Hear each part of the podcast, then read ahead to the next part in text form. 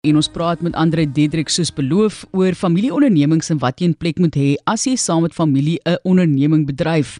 Hy is die bestuurder van Family Business Association van Suid-Afrika en het al meer as 400 familieondernemings in Suid-Afrika gekonsulteer. En as ek so kyk, jy weet, jy het net vir my die boek gegee Nalatenskap, die soet en suur van familieondernemings. Jy sê vir my pas op Martlies, jy gaan huil. dit help nie. Met mense ja onderskraging van die idee van 'n familiebesigheid. Nie sal jy in die eerste plek sê ja doen dit of as jy kan vir wel, my wel kom kom ek stel dit vir jou so dat die die wêreld van werk het so verander dat baie mense verplig word om hulle eie dinge te gaan doen. Jy weet ons ons praat van ek weet nou nie Afrikaans nie restructuring en re-engineering wat begin het wat gelei het tot 'n vinnig 'n ballooning SME sektor klein sake sektor soos hulle dit noem So familiebesighede is besig om te groei deur die wêreld. Hulle word nie minder nie, hulle word al meer. Inteendeel, daar's nie ekonomie in die wêreld waar familieondernemings nie die ruggraat van die ekonomie is nie. Mense besef nie die skaal van hoe groot die impak van familieondernemings is nie. Maar dit gaan nie altyd maklik nie. Ja. Daar's maar baie uitdagings waarmee ons ook moet deel. Ek kan my voorstel. So ons gaan nou nie hoe suksesvol is is familiebesighede. Kom ons kyk maar in Suid-Afrika. So die verhouding. Ons weet besighede faal vir verskillende redes. Entrepreneurskap is mos maar een van daai dinge. Jy staan op en jy probeer weer. Maar wat is die verhouding van sukses teenoor die wat dit nie maak nie? Kyk, kom ek noem gou vir die impak dat hulle dit verstaan en dan sal ons dan praat ek met jou oor hoe suksesvol hulle is. In Suid-Afrika is ongeveer 80% van geregistreerde besighede is familieondernemings. 96% van kommersiële boere is familieboerderye en dis in in lyn met die res van die wêreld uh, om net vir die statistiek te gee maar ehm um, hoe suksesvol is gaan afhang van daar's drie groot uitdagings waarmee familie besighede wêreldwyd spook. Die eerste ene is om die entrepreneurskap te laat aangaan van generasie tot generasie want baie keer sit jy met die entrepreneur en as hy nie daai dinge in sy kinders ingeprent kry nie tel hulle probleme op in die volgende generasie. 'n Baie groot probleem is opvolgbeplanning wat nie reg gedoen word nie. Die wêreldstatistiek wys dat net 30% gaan suksesvol van die eerste na die tweede generasie, nê? En maar dit is minder as 4% bereik die derde die vierde generasie en meeste van hulle vou in die derde generasie. Daar's 'n derde generasie probleem. So opvolgbeplanning word nie reg gedoen nie. Want hulle moet begin besef opvolgbeplanning is deel van jou langtermyn sakestrategie hoe hoe die besigheid na jou moet bly oorleef. Ja. En dan die ander ding is 'n baie baie groot ding in familieondernemings gaan oor governance. In familieondernemings het jy met families te doen en families het het, het, het emosies en emosies impakteer op sakebesluite.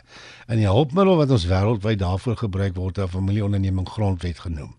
Die grondwet kry net 'n weegskaal in jou kop met twee bakke, die familie in die een bak en die besigheid in die ander bak. As daai bakke ongelyk hang, is die moeilikheid aan die kom. Jy kry ouens wat so fokus op die finansiële sukses van die besigheid dat hulle die familie kwaad maak en loop in elk geval weg.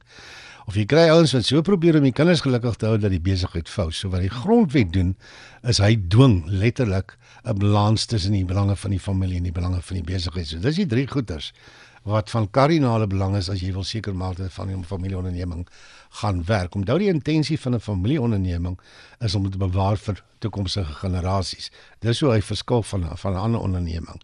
En bitter belangrik, die belangrikste beginsel wat ek seker kan oordra in familieondernemings is dat hulle moet verstaan dit gaan oor rentmeesterskap. Meer as enigiets anders. Die ouste familieonderneming in Suid-Afrika is Boplaas 1743, dis die van 'n Merwes hier uh, in die Koubokkerveld. En oom Karel, ek het destyds onderhoud met hom gevoer het, my so goed gesê ek kon vra hoe hulle so lank oorleef. Nou luister na sy woorde, nê. Hulle was geleer van generasie tot generasie dat hierdie besigheid behoort nie aan die generasie nie dit word by die kinders geleen. Hy sê nie dis by die ouers geërf nie, dit word by die kinders geleen. En dis waar baie groot drama in familieondernemings vandaan kom as kinders nie besef dis nie jou goed nie. Is opgebou deur die voorgese voorgeslagte, jy moet dit beskerm en bewaar vir die wat na jou kom. En dis die beginsel van rentmeesterskap wat van kardinale belang is in familieondernemings. Anders maak hulle dit nie is Andre Diedriks wat so gesels oor familieondernemings. Jy's welkom om jou ervaring ook met ons te deel. Stuur gerus. Ons kan nou dalk 'n opvolg doen as jy vrae verder het. Hoe kan 'n mens dit toepas daai of kan ek maar sê is dit wetlik toepasbaar daai tipe van familiegrondwet wat jy dan opstel? Ja, kyk, 'n familie, uh, daar's sekere dokumente wat nooit uh, geoverrol mag word nie, soos 'n testament byvoorbeeld. En nie is 'n trust kan 'n testament oorrol nie. Dis belangrik dat ou daai goed moet verstaan. Maar ons laat die familie onder uh, lede die grondwet onderteken. Met ander woorde, hulle moet hulle self verbind daartoe. En as jy net verstaan wat in 'n grondwet gebeur, dan sê jy goed vir dan sê baie duidelik verstaan. 'n Grondwet begin by 'n visie. So wat jy wil hê is die kinders en die ouers moet dieselfde prentjie oor die toekoms hê. En nou ek fasiliteer baie van hierdie goede. Moenie dink hulle sê sien noodwendig dit altyd dieselfde nie. Dit vat 'n fasiliteerder om op 'n punt te kry dat hulle kan saamstem. Die tweede oefening is bitter belangrik. Ek vat hulle deur 'n ware oefening. Laat nou laat ek net dit verduidelik. Ek het eh, 'n uh, klompie jare terug 'n boek gepubliseer met die naam Leierskapswares wysheid uit die planteryk want ek leer die ouens uit die natuur om hulle dinge te doen. Maar die vertrekpunt van die boek was die gemiddelde leeftyd van saakondernemings in die wêreld is 25 jaar. Hoekom dan kry jy saakondernemings wat vir eeue en vir meer as 1000 jaar al bestaan? Ek meen die ou seun wie ek in die wêreld gewerk het was Kongo Gumi van Japan. Matelies, hy's in 578 begin. Enigste 5 51ste generasie nog dieselfde familie. 51ste generasie. 51ste generasie selfe familie. Jo. En ek het daai oudste familieondernemings in die wêreld gevra, "Hoe het julle so lank oorleef?" En hulle almal se antwoord het gegaan oor hulle ware stelsel. Maar waardes wat ingeprent word by die kinders van generasie tot generasie en daar word nie van daai waardes afgewyk nie. Alles word in daai waardes gemeet en dis waar die groot verskilling kom. So ek van jy vat hulle deur 'n ware oefening ook. Dan moet hulle definieer wat is familie. Dit kan baie drama in familieondernemings veroorsaak was. Jy moet besluit wie is familie. Is ja. aangetroudes familie of is aangetroudes nie familie nie? Hoe definieer jy wanneer dit impakteer op eienaarskap? Reg? Dan moet jy reëls maak vir opvolging. Uh in in in in jou grondwet met ander woorde jy jy sal reëls byvoorbeeld jy sal byvoorbeeld sê verkieslik moet dit 'n bloedverwant wees wat die vermoë en bereidwilligheid het. Dis die ander ding wat ek net vinnig wil noem. Ek het 'n onderhoud met Raymond Ackerman gevoer waar ek hom gevra het hoekom het nie een van sy kinders oorgeneem as CEO van Pick n Pay nie.